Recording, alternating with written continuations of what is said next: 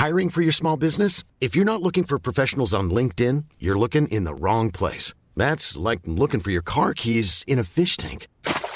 LinkedIn helps you hire professionals you can't find anywhere else, even those who aren't actively searching for a new job but might be open to the perfect role. In a given month, over 70% of LinkedIn users don't even visit other leading job sites. So start looking in the right place. With LinkedIn, you can hire professionals like a professional. Post your free job on linkedin.com slash people today.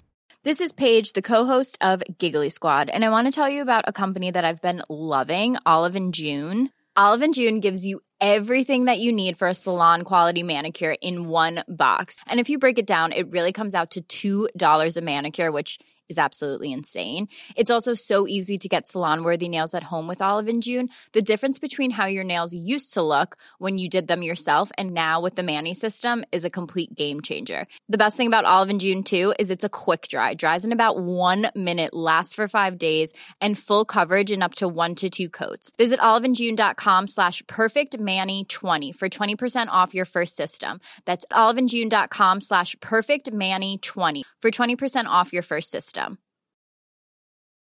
Here's a cool fact a crocodile can't stick out its tongue. Another cool fact you can get short term health insurance for a month or just under a year in some states. United Healthcare short term insurance plans are designed for people who are between jobs, coming off their parents' plan, or turning a side hustle into a full time gig. Underwritten by Golden Rule Insurance Company, they offer flexible, budget friendly coverage with access to a nationwide network of doctors and hospitals. Get more cool facts about United Healthcare short term plans at uh1.com.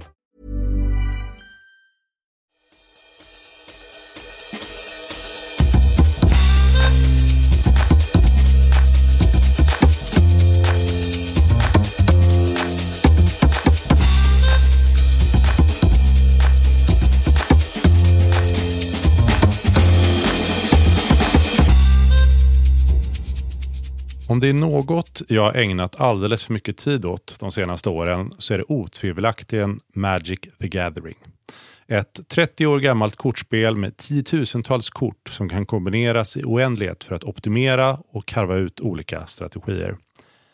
Det finns såklart vissa självklara kombinationer som alla håller med om är bra, men som kanske inte alltid är så kul att diskutera. Sen finns det andra nischval som man kan tycka är lite roligare och visar lite mer personlighet. Är de här underliga nischvalen bättre än världens dyraste och kanske det bästa kort, Black Lotus? Förmodligen inte, men vid rätt tillfälle kan det vara nog så mäktigt. Ja, som ni redan nu märker så blir det lätt otroligt nördigt om man ska prata om det här. Välkommen till en vinpodd. Ja, och det är med den här kanske något haltande ansatsen jag vill introducera en av världens nördigaste men också kanske mest spännande platser och såklart vinvärldens svar på Magic the Gathering, nämligen Ja. Bourgogne. Ja, och på ena sidan bordet sitter jag, Karl Johan, som snabbt spelar ut mitt Mono Red Aggro-däck. Oj. Och på andra sidan då är du, Mikael, som slukt håller upp interaktion i ditt vitblåa Ja. kontrolllek. Jag vet inte hur det här ska fortsätta. Välkommen till Bourgogne, säger Ja, exakt. Så på allmän begäran Bourgogne och på icke allmän begäran ett långt Magic the Gathering-intro. Mm. Eh, det jag försöker säga med det här är att min uppfattning om eh, Bourgogne är att det är väldigt nördigt. Det kan bli. Och eh, innan du får säga någonting mer pappa så frågar jag dig, är du en Bourgogne-kille? Svar, ja. Är, du är det? Ja, och det ska jag berätta om varför och hur. Mm. Eh, Det har ju blivit lite dyrare så inte, man går inte och eh, häller i sig bourgogneviner varje dag kan man säga. Nej, det gör man inte. Nej. Men det första jag tänkte på, vet du vad bourgogne är egentligen? Eh, det, det är därför jag sitter här med dig pappa. För att det- Jag tänker jag rent mig. geografiskt. Nej, nej, nej, det gör jag inte. Eh, eh, jag, och, men nu vet jag, för jag kollade lite på en karta innan vi Bra. började spela in. Det ligger lika mycket längre norrut än vad jag Ja, trodde att det gör. Och det består ju av lite olika områden. Det Ja. kanske vi ska klargöra, för de flesta pratar ju bara om det här Ja. som är liksom runt Borna, de här röda vinerna och vita viner. Ja, Men det är ju faktiskt så att även Chablis ingår där. Där de gör vita viner i en annan stil, men på samma druva. Mm. Eh, Côte d'Or, det är det här stora området där. Som ligger runt Beaune. Vi ska prata lite mer om det sen. Och sen söder där de ligger Chardonnay och Maconnais. Och sen har du även Beaujolais. Beaujolais ingår egentligen i Bourgogne. Ja, Ja. För att många vill ju göra till en egen region, men när man pratar om vinvärlden och delar upp den i olika regioner så ingår Beaujolais där. Är det här någonting som hjälper lyssnarna eller blir man bara en sån störig person som säger rent tekniskt så ligger faktiskt Beaujolais i Bourgogne? Nej, men jag vill bara att man ska uppmärksamma det. Jag vill ha sagt det och nu har jag sagt det. Ja, mycket bra. Eh, men nu är ju du en Bourgogne-kille. Eh, och vi pratade lite innan avsnittet här om att jag kanske var i Bourgogne senast när jag var typ sju månader eller någonting. Tre må fyra månader. Fyra månader, ja. Jag tänkte få något minne om det. men Jag insåg att det är ingen bra fråga. Nej, det är nämligen inte så. Men jag tror också vi har varit där nere, kanske när jag har varit 10 eller 14 eller någonting sånt också. Efter. Jag har inte rest dit så ofta det senaste decenniet, eh, men när vi bodde i Schweiz så var Mm. vi där titt som tätt. Och jag hade vinkurser på den här tiden i Zürich. Jaha. Och då ordnade jag varje år en resa, en bussresa till bland annat Bourgogne. Så att eh, jag har åkt genom området många gånger och kan de små vägarna dit man fick leda busschauffören som skulle hitta till den där berömda vingården. Någon stackars busschaufför som ska vända på någon eh, ja. icke-existerande vändplan. Ja, alltså det är mycket byar och mycket smala gator i det här inre delen av Bourgogne. Jag kan tänka mig att det är fint, för just nu kan jag inte tänka mig riktigt exakt hur det ser ut. Men det kommer vi eh, få berättat för oss. Eh, om vi inleder då med att fråga dig, vad är det som gör den Mm. här otroligt kända vinregionen Bourgogne speciell? Eller vad Ja, tycker du? Du har ju lagt det på nördighetssidan där och sånt men det, det, det Och- och tänker det- jag, men det, det kanske Nej, men inte sammanfattning stämmer. blir ju Ja. det. Eh, och eh, jag tror att ledordet är mångfald. Mångfald. Mångfald. Det finns så mycket av alla olika saker. Mm. Eh, här finns till exempel fler små, stora appellationer Mm. än i hela övriga Frankrike faktiskt. Alltså, och en appellation är... Ja, det en, kan vara en liten vingård, det Ah, kan okej, vara en ja. kommun, det kan vara ett lite större område. Ja, just det. som är klassat då. Mm. Eh, det gör ju att det blir, det är inte så stort som du vet. Man kör igenom där på en knapp timme från norr till söder. är det som är... När vi Det är det här inre, ja, precis. Som man Ja. menar med det Ja, klassiska. jag får säga till när du börjar prata om Chablis. Ja. Det är liksom en enklav lite längre norrut. Ja. Och Beaujolais ligger lite söderut. Mm. Eh, men det liksom gör att det blir ganska exklusivt. Ja. Många spännande små vingårdar, små Mm. byar, eh, små producenter och eh, någonting som kallas för klima. Det, Och det har ju blivit det en vad grej. man tror att det är? Det är klimat. Nej, det är små vingårdar som är Ja. klassificerade då. Aha. Eh, Redan på medeltiden egentligen av munkarna som kom på det här blir bra. Här görs det bra viner. Så det ger vi en liten extra stjärna i vår bibel. Ja, man noterar vingårdarna i. Men det är Gid eh, Jesus istället. Ja.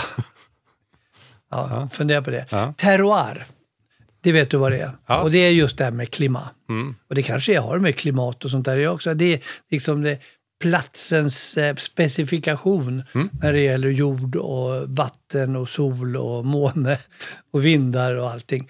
Um, det finns väldigt, väldigt mycket sådana Mm.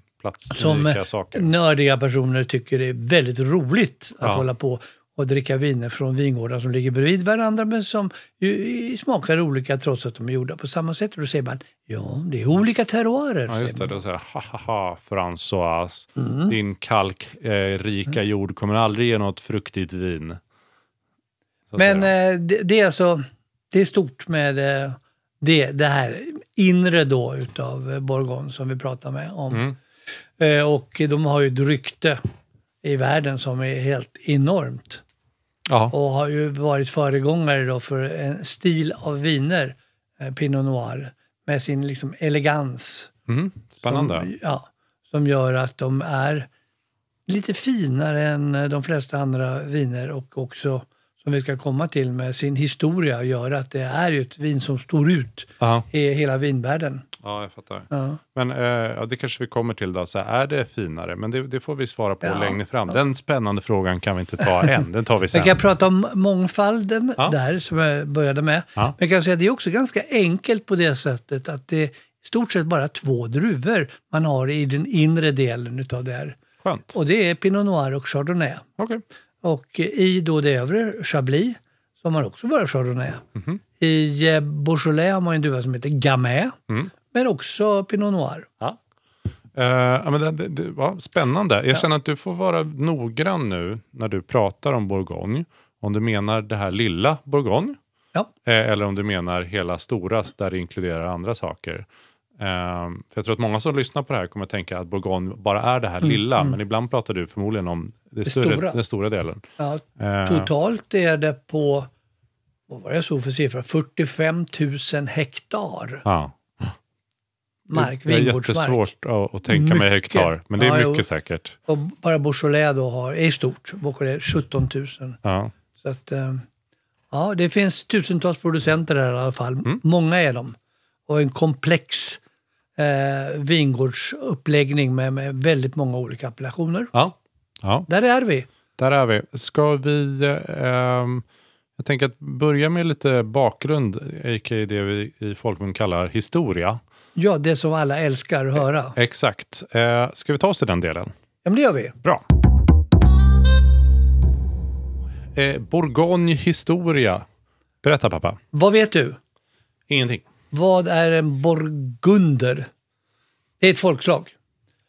Jaha. Ja, Bourgogne heter det på franska. Mm. Det kom lite senare. Burgund heter det från början då. Det har man Och ju på ju- engelska. Ger, ja, Burgundy. Mm. Och även på svenska tidigare Ja. så har man eh, Burgund. Ja. Eh, germanskt begrepp och också de här burgunderna var germaner som lär Mm. ha kommit ifrån Tyskland någonstans och slog sig ner där på, eh, ja, i början av vår tideräkning egentligen. Och eh, ja, till slut hade de skapat ett rike där från Dijon ner till Medelhavet. Det burgundiska riket. Mm. Och Dijon är då den största staden i Bourgogne. Ja, den viktigaste staden viktigaste och Wien-universitet och alltihopa. Sån här Ja. Jättefin stad. Mm. Känd för sin senap. Tänkte du säga jättegod senap har de. Ja, men det finns senapstillverkare där. Alla har en sån Och vem tog senap. över sen om inte frankerna? Ja, där är Ja. Och det var lite före vår vän Karl den store. Ja, Redan på 500-talet. Oj, innan hände det saker. Ja. Yes, och de tyckte att det här riket var lite stort, så att de delade upp det i övre och Ja. nedre. Som sagt, det gick ju ner till Medelhavet Det är en där. konstig åsikt att ha. Det är för stort. Ja, men de gjorde två kungariken utav det. Ja. Eh, och eh, dessa kungariken splittrades sen i sin tur. Mhm. Ja, man kan säga att det var lite rörigt. Det, det tenderar att vara lite rörigt Ja. i Frankrike under den här tiden, Ja. tycker jag. Men sen kom då Charlemagne. Ja, Och vem är det? det är Karl den store. Ja, Ja. och Charlemagne är ju ett stort begrepp faktiskt i just Bourgogne, inre delarna. Extra mycket där. Ja, alltså det finns ett, ett appellation som heter Charlemagne, Coteau Ah. Charlemagne. All right. Alltså Coteau är en kulle och Charlemagne är Karl den store. Så Karl Ja. den stores kulle Ja. som heter är, vad är vi på nu? Nu är vi på 800-talet. 800-tal. Ja. Mm. Och eh, vet du vad hans eh, pappa heter? Eh, Jag bara tycker det är så roligt. Charles Nej, Mini. Pippin den lille kallas han. Han hette det? Ja. Jag tänkte att han skulle heta någonting med lite. Liten. Pippin Den, den ja, lille. just det, för att han Karl den store och Pippin den lille. Ja, det är jätteroligt. Pippin. Ja, Ja. Som i Sagan om ringen. Ja. Mm. Och sen i alla fall så framåt. Det här var ju liksom i mitten av Europa. Där det hände jätte, jättemycket. Mm. Och under en period på 1300-talet så skapade de ett burgundiskt rike med Flandern. Och vad är Flandern för någonting? Södra Nederländerna. Ja, eller norra Nederländerna. norra Nederländerna? Ja, södra i Vallonien. Jag Mm. pratar om franska och norra Flandern. Okej. Jag pratar om fläm, flamländska. Flamländska. Ja. Och där låg ju tygindustrin, där låg ju alla de här städerna som var de första handelsstäderna egentligen i Europa. Mm. Så det var väldigt, väldigt stort och det var eh, fint och hela Bourgogne var egentligen ett stor kulturområde. Låter lite som en, eh, utan att lägga orden i din mun igen, men som en liten gyllene, gyllene, gyllene tid för Bourgogne eller Ja, Burgunderna. ja, absolut. Kultur och allt möjligt som gjorde att det blev känt i, eh, i världen, Mm. eh, Europa. Och inte minst klosterlivet som växte upp då. Mm. Det var det hetaste man kunde göra. Ja. Idag ska man gå på klubb Då skulle man säga, vad har ni för, har ni några bra kloster i er stad eller? Ja. Jag tycker att det är jättebra jämförelse. I alla fall, nu har jag ett citat här som jag tycker är lite kul. Mm. Eh, det burgundiska riket förföll. Varför det? Jo, Eh, berätta. ja, det var motsättningar mellan romanska och germanska folkslag. Okej. Och mellan katoliker och arianer. Jag vet inte vad arianer är. Nej. Men sen kommer det roliga. Avtagande stridsduglighet, kungarnas bristande begåvning och ogynnsamma geografiska gränser. Det låter lite som, om man skulle sammanfatta det, lite alltihopa. Ja, det, det gick inte att hålla ihop. Så att eh, Bourgogne togs över utav eh, eh, fransmännen och då blev det Bourgogne. Ja, okej.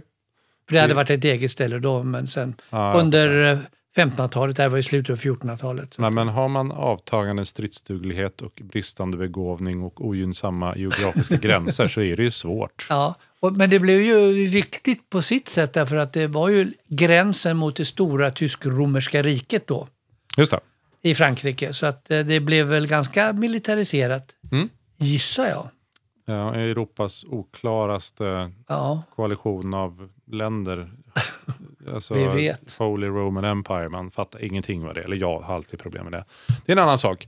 Eh, spännande. Eh, det låter som att det här har varit en viktig plats länge. Ja men det, alltså, det här är ju viktigt att eh, berätta om och Ja. eh, komma ihåg lite grann. För då förstår man lite grann varför Bourgogne, Burgund är så stort och känt. Därför att den här historien är ju helt unik Ja. i Europa. Det är den. Det tycker i och för sig alla att de alltid har en unik historia. Men jag fattar vad du menar. Den är lite mer eh, händelserik kanske. Mm. Ehm, ska vi eh, ta oss till lite mer vinkopplad historia? Ja. Ja, eh, det här var allmän historia, som vi kallade den delen. Nu kommer vinhistoria. Ehm, nu vet vi det här, bakgrunden till Bourgogne som plats. Berätta, vinkopplad historia. Men Allt det här jag har berättat nu, Mm. under hela den perioden, så fanns det en stor vinkultur också. Det har ju producerats vin där eh, sedan Kristi födelse och förmodligen innan. De gamla kelterna, Mhm.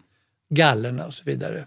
Ja, Eh, men- men sen eh, kom eh, då kyrkan att spela en avgörande roll, för det var väldigt mycket kloster. ja toppenkloster. Eh, Och många utav de här vingårdarna, som Mm. är de främsta idag, var från början gåvor till eh, klostren. Från, från ja, den franska adeln faktiskt. Mm. Bland annat det här berömda som man ska gärna besöka, Clos de Vougeot. Det är lite av klostrens spybar. Ja, Mm. nej. typ. Ett stort cistercien, Ja. heter cistercienserkloster det. Ja, okej. Mäktig byggnad med en stor vingård runt omkring som heter Clos de Vougeot. Kan jag tänka mig att det är vackert. Eh, men det fanns många andra kloster också. Mm. I, eh, vad heter det, Cl- Cluny och Citeaux. Eh, I alla fall så utvecklades vinodlingen och blev ganska viktig, åtminstone lokalt där. Mm. Eh, ja, och som vi vet då att eh, det införlivades med Frankrike. Just Då det, blev det det ju-. Ett sätt att eh, producera vin för franska kronan också. Eh, problemet var väl lite grann att det var ganska långt till Paris därifrån. Så att eh, det, eh, de flesta vinerna produceras faktiskt lokalt. Alltså, när du säger produceras lokalt, betyder det att de gjorde för sig själva mest? Ja, Inte och för omgivande export. städer och områden. Så att där. Men revolutionen kom och här kan vi prata om en revolution. 1789. Korrekt. Och vad hände då? Jo, Ja. då tog de ifrån kyrkan all makt och all mark som delades ut till självägande bönder. Exakt. De hittade på en egen kyrka som hade med kunskap att göra. Kunsk, jag vet inte vad den heter. Alltså en, en icke-kyrklig kyrka. Skit i det, det var Robespierre. Kör på. I alla fall så eh, blev det väldigt många ägare till de här stora markområdena som kyrkan, klostren hade haft hand om då. Ja. Eh, och, eh, men de, där, de här små vingårdarna, Mm. när vi pratar om de här små fantastiska klima, de fanns fortfarande kvar, men de blev då i händerna på självägande bönder, små producenter. Istället för eventuellt kyrkan då. Just det. Mm. Till exempel Claude de Vougeot som vi pratade om Ja. har idag 85 olika ägare Aha. Små remsor av olika slag. Det är ju jättefint att ha ett vin som heter Claude de Vougeot. Ja, Och det är 85 olika producenter som har det. som får säga att de har Ja. ett... Ja, det har de ju Så det också. blir, lite, blir det urvattnat då, eller? Ja, det kan man väl säga. Det är, överhuvudtaget kan det bli väldigt mycket av det mesta i, i Bourgogne. Många viner, många ursprung och många producenter. All in eller ingenting. Precis. Mm. Eh, men eh, vinerna börjar så långsamt bli kända även i Paris. Mhm. Eh, för sin kvalitet och elegans. Ja, Och allt eftersom transporterna blir bättre så kunde man ju skicka vin från hela Bourgogne då. Mm. Ja, och idag, alltså man kan säga att dagens framgångar i Bourgogne är egentligen en, en eh, följd av andra världskriget. andra världskriget.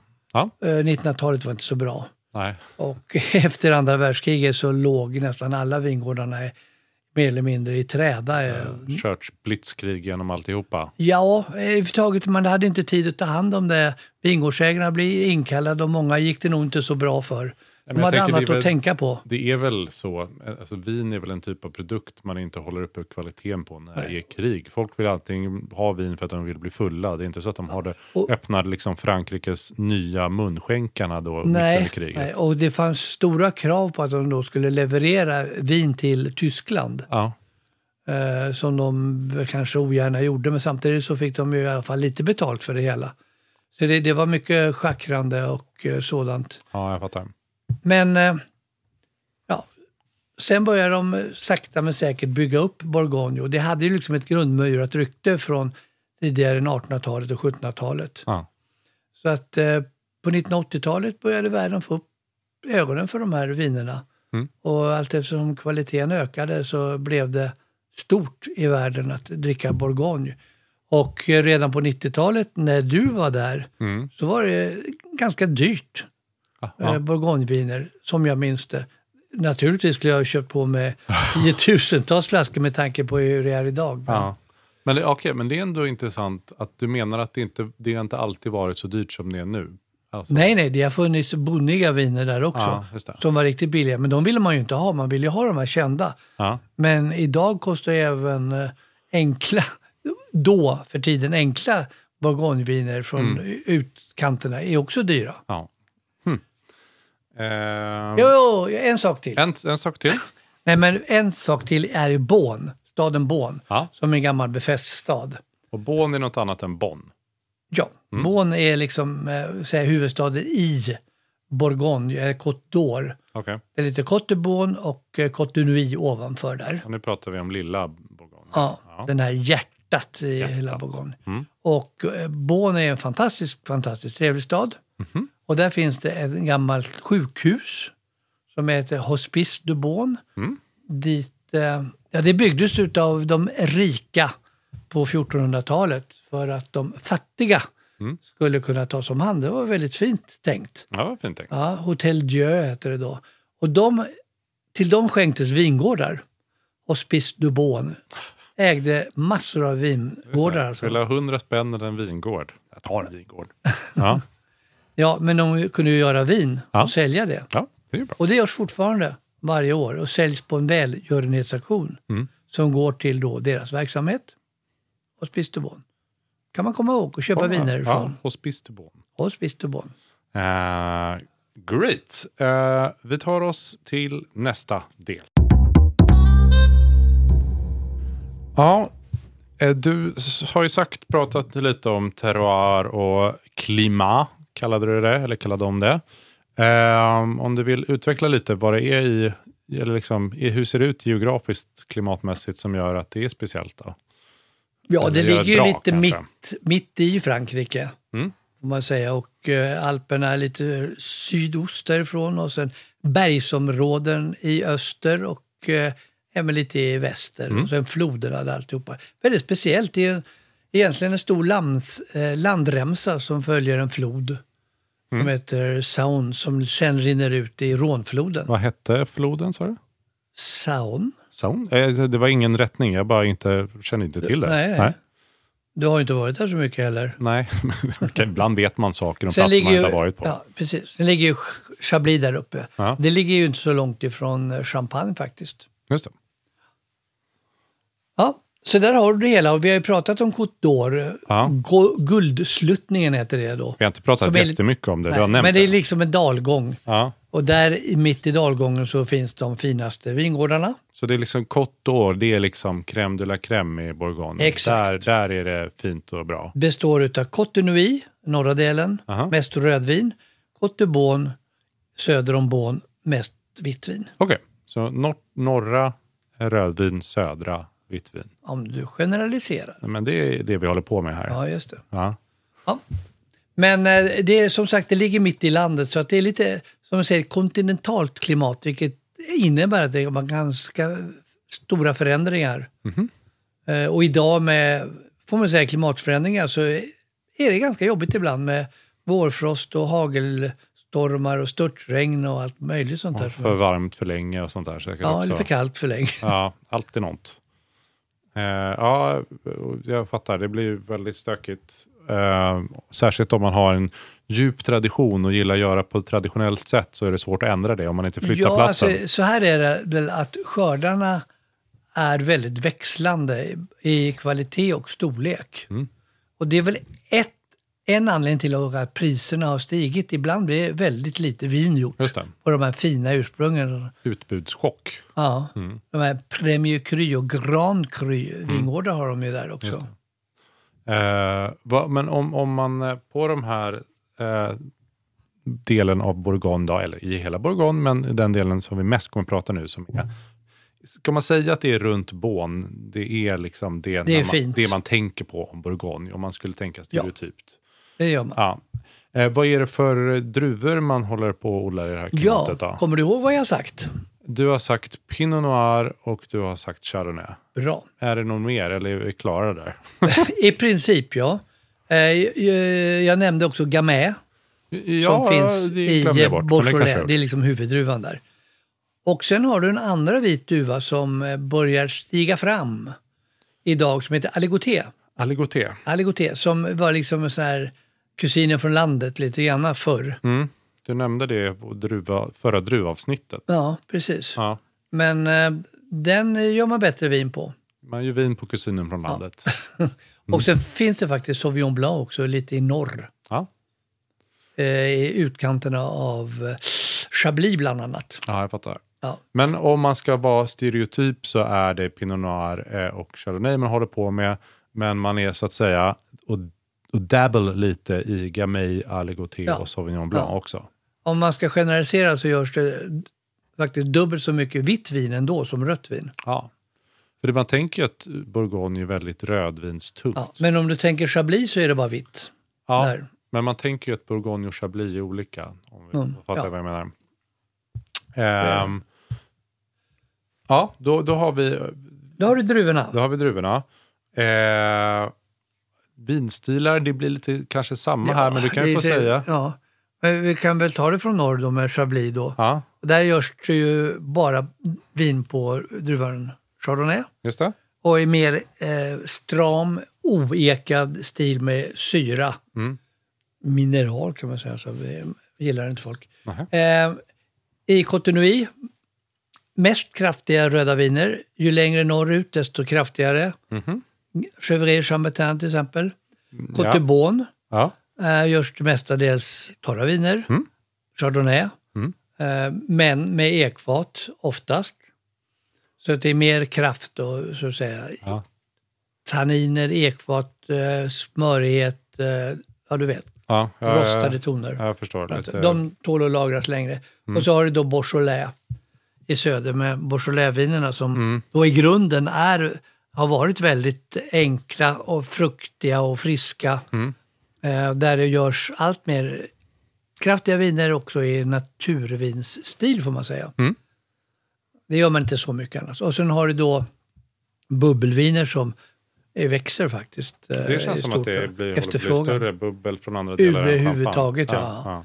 Och just de här franska Cremant-vinerna ja. som är då namnet på bubbelviner som görs i champagnestil Men inte i champagne. men inte i champagne. Och där heter det då Cremant de Bourgogne. Mm, det har man sett väldigt mycket på senaste Ja. tiden tycker jag. Ja.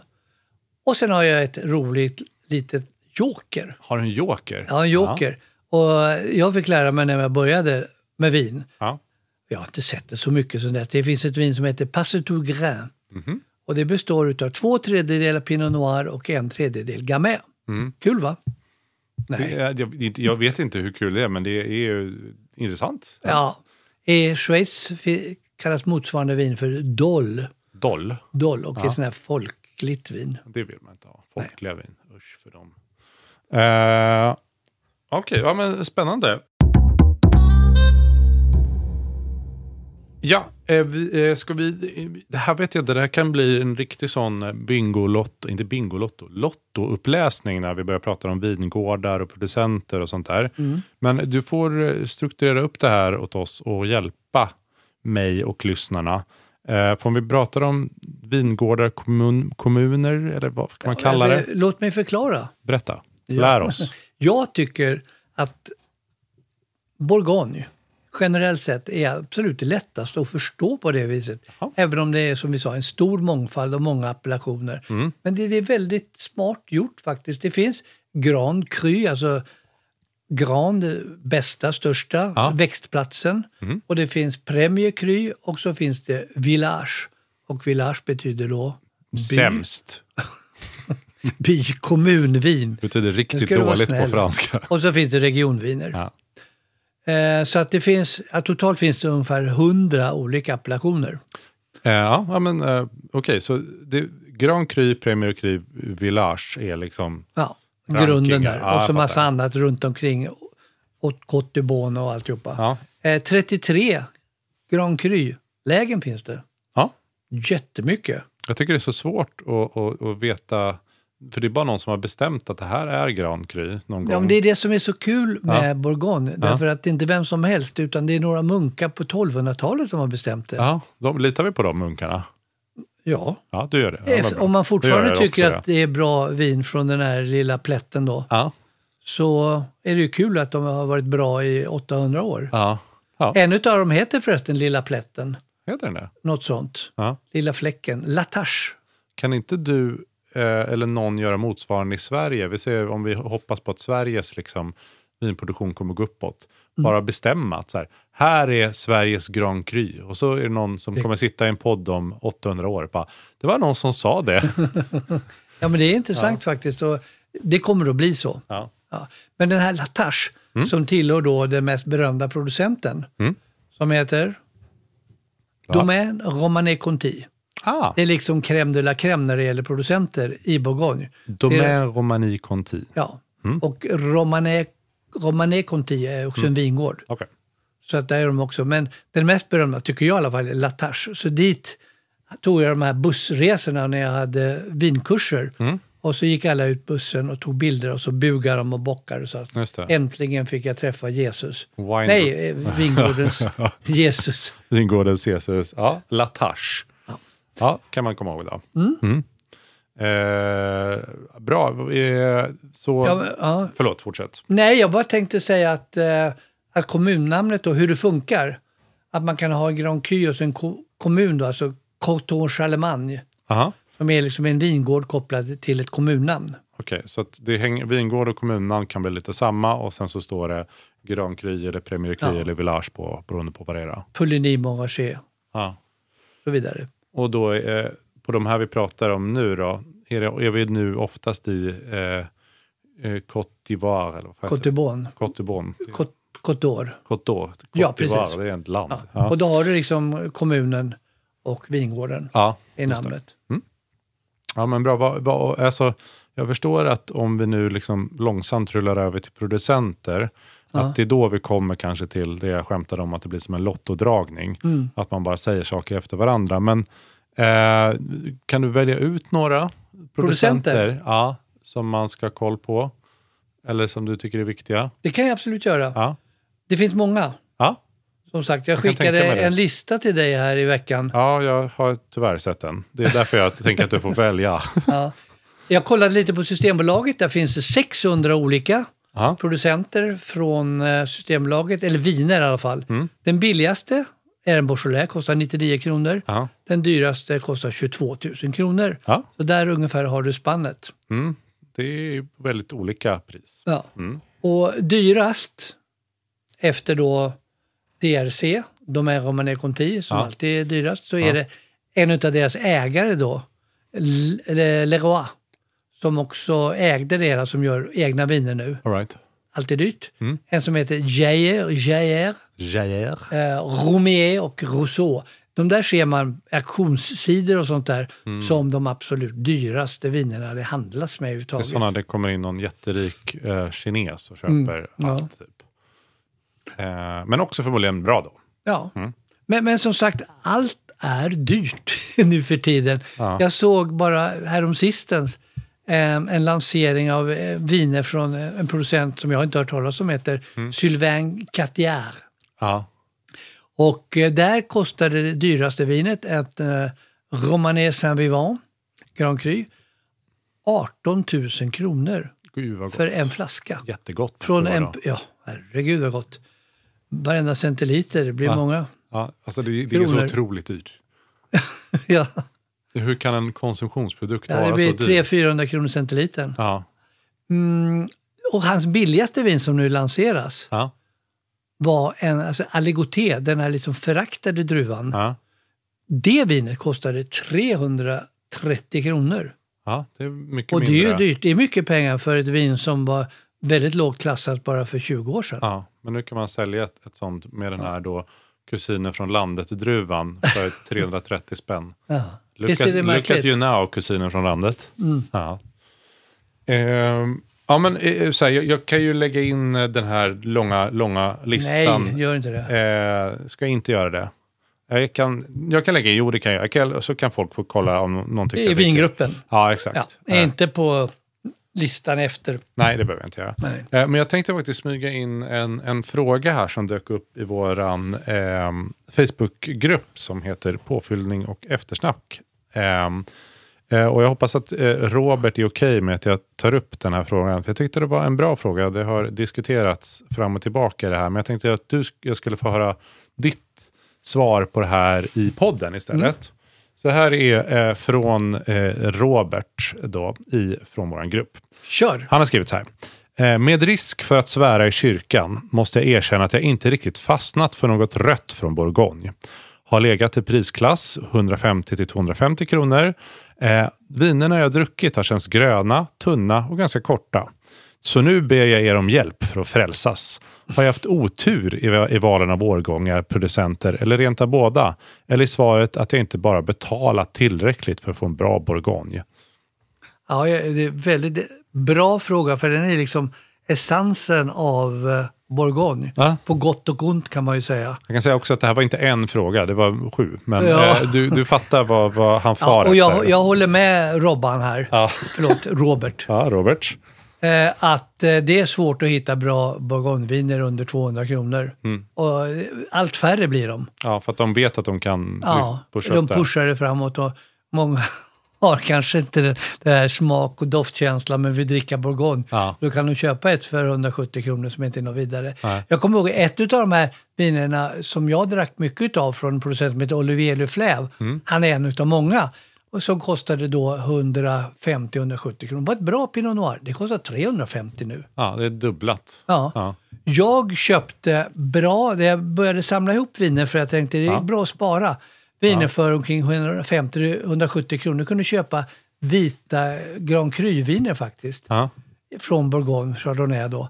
De kostar nu 350-400 kronor. Ja. Det har varit en väldigt bra investering. Nu tänker inte jag sälja dem. Nej. Men det är roligt att kunna dricka. Så jag säger, här har vi ett Grand Cru, Ja. Tête la Crabbe eller vad de ja, heter. det.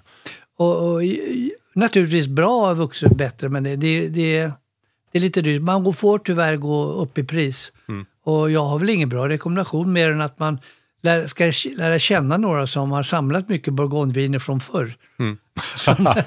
Skaffa rika vänner är alltid tipset. Ja.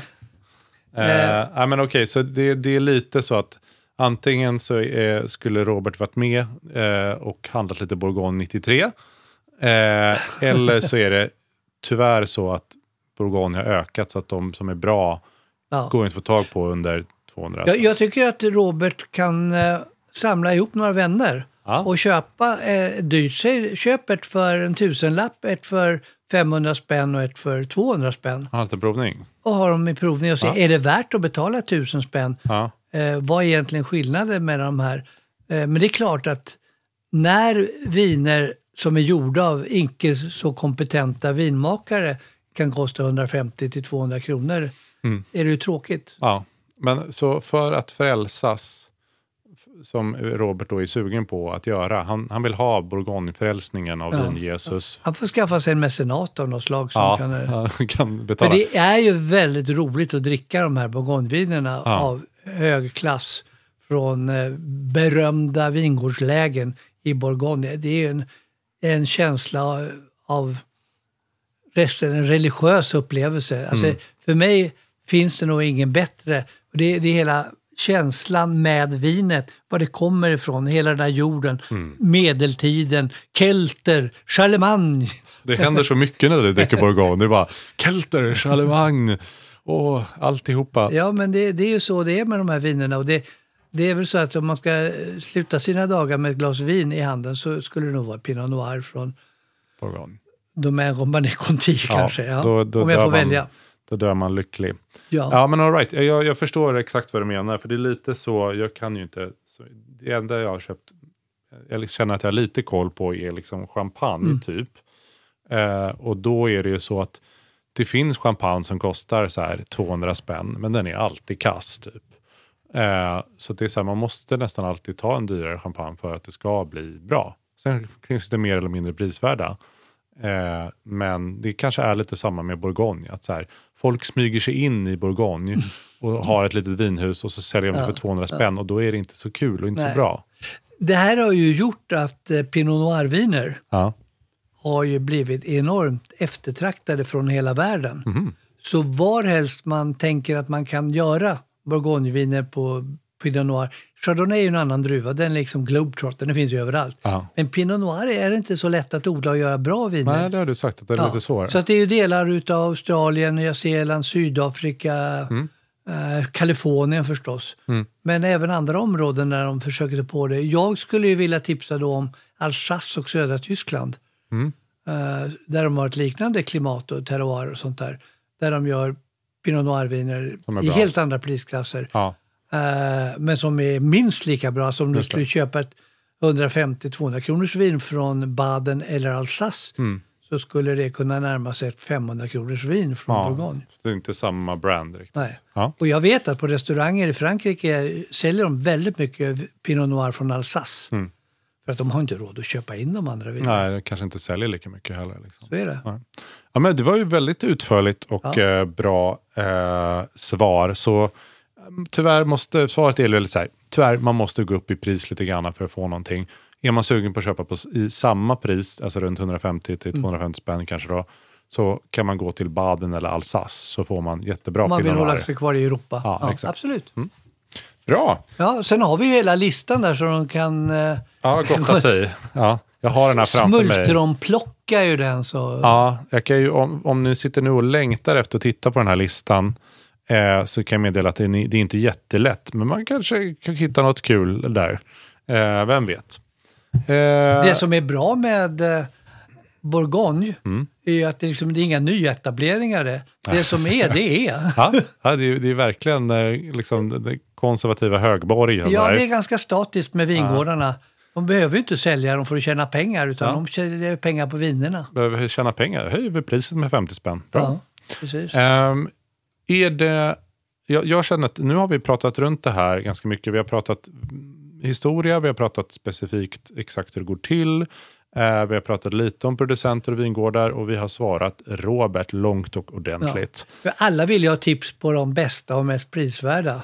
Ja, Men eh, alltså, det är svårt att det säga. är inte så prisvärt i Bourgogne, det är det jag försöker säga. Nej, men prisvärt är ju en relativ fråga ju. Så. Ja, är du miljardär så har du en annan nivå på prisvärdheten kanske. Mm, det.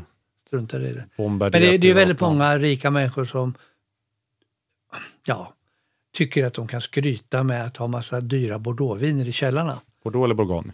Förlåt, Bourgogne Ja, och Bordeaux. Ja. Eh, och jag gissar ju att det är ett av de mest förfalskade vinerna ja. i världen. Det man ju, har man ju hört talas om i Sour. Grapes-dokumentären. Och Rudy Kurniawan där, Ja. han hade ju några från Geijer och några andra som han förfalskade. Mm. Eh, därför att det var väldigt lönsamt, Ja. därför att de flaskorna, per flaska får man ju väldigt mycket betalt. Så att det Ja. är liksom, det är mycket, mycket eh, vin för pengarna kan man säga om man Ja. förfalskar dem också. Jag fattar. Och det, det är ju risk när man har ett sånt lyxvarumärke. Det blir som vinets Prada eller någonting. Eh, klart att det kommer bli kopior på Prada. Det är klart att det kommer kopior på Bourgogne då. Mm. Liksom. Eh, jag känner mig nöjd nu. Ja, Det men någon- har du några bourgogneviner hemma? Jag har inte det. jag, jag tänkte att jag skulle ha ett, men nej det har jag inte. Det är, ett, eh, det är Bordeaux. Ja, vill du ha ett bourgognevin? Eh, gärna. Ja, då fixar vi det. Så, så lätt är det hörni, att skaffa bourgogne. Ehm, ja, nej, men är det något mer du vill ta upp, pappa? Det är det Eh, säkert. Ja, men... så det, det finns ju mycket man kan önska här Ja. i livet. Ja, Och ett av de önskningar jag skulle vilja lägga är att just jag skulle få komma över ett parti billiga, bra bourgogneviner. ja, Eh, Jag kan inte tänka mig att alla bourgogner plötsligt skulle bli mycket billigare. nej. Men jag vet att efterfrågan är ju inte lika hög som den har varit innan. Så någonstans har det nått en smärtgräns. Mm, jag fattar. Eh, och tillgång och efterfrågan är det naturligtvis också, men när efterfrågan minskar, tillgången kanske har blivit större vissa år, Mm. ja, då kommer vinerna bli billigare också. Nu kan man ju sälja liksom village och kommunviner, ja det är kommunviner, och andra uppe i bergen och Cotonou Mm. för massor av pengar också. Ja, för att det står Bourgogne och man vet att det är guldkusten där. Eh, ja, bra. Så eh, sänk vinerna. Eh, nej, inte sänk vinerna. Sänk priserna på vinerna är det du vill. Ja, Av någon mystisk anledning så ska det hända, vill du. ja. Bra. Eh, då, då tackar Då vi. skålar vi i Bourgogne. Då skålar vi Bourgogne. Så ska jag springa och hämta en flaska till dig. Ja, tack så mycket. Det är väldigt faktiskt. Eh, hoppas ni har tyckt om det. Så ja, kommer vi höras igen om två veckor. Det gör vi. Då! Hej då.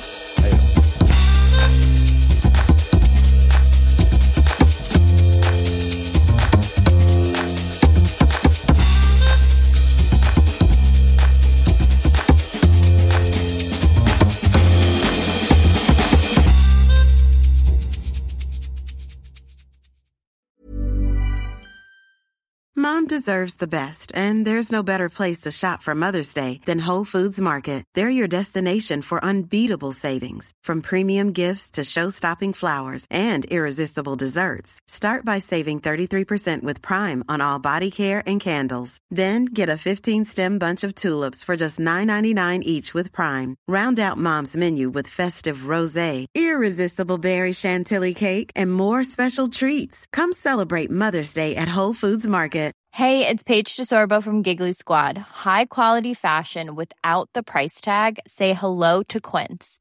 I'm snagging high-end essentials like cozy cashmere sweaters, sleek leather jackets, fine jewelry, and so much more. With Quince being 50 to 80% less than similar brands. And they partner with factories that prioritize safe, ethical, and responsible manufacturing. I love that. Luxury quality within reach. Go to quince.com slash style to get free shipping and 365 day returns on your next order. Quince.com slash style.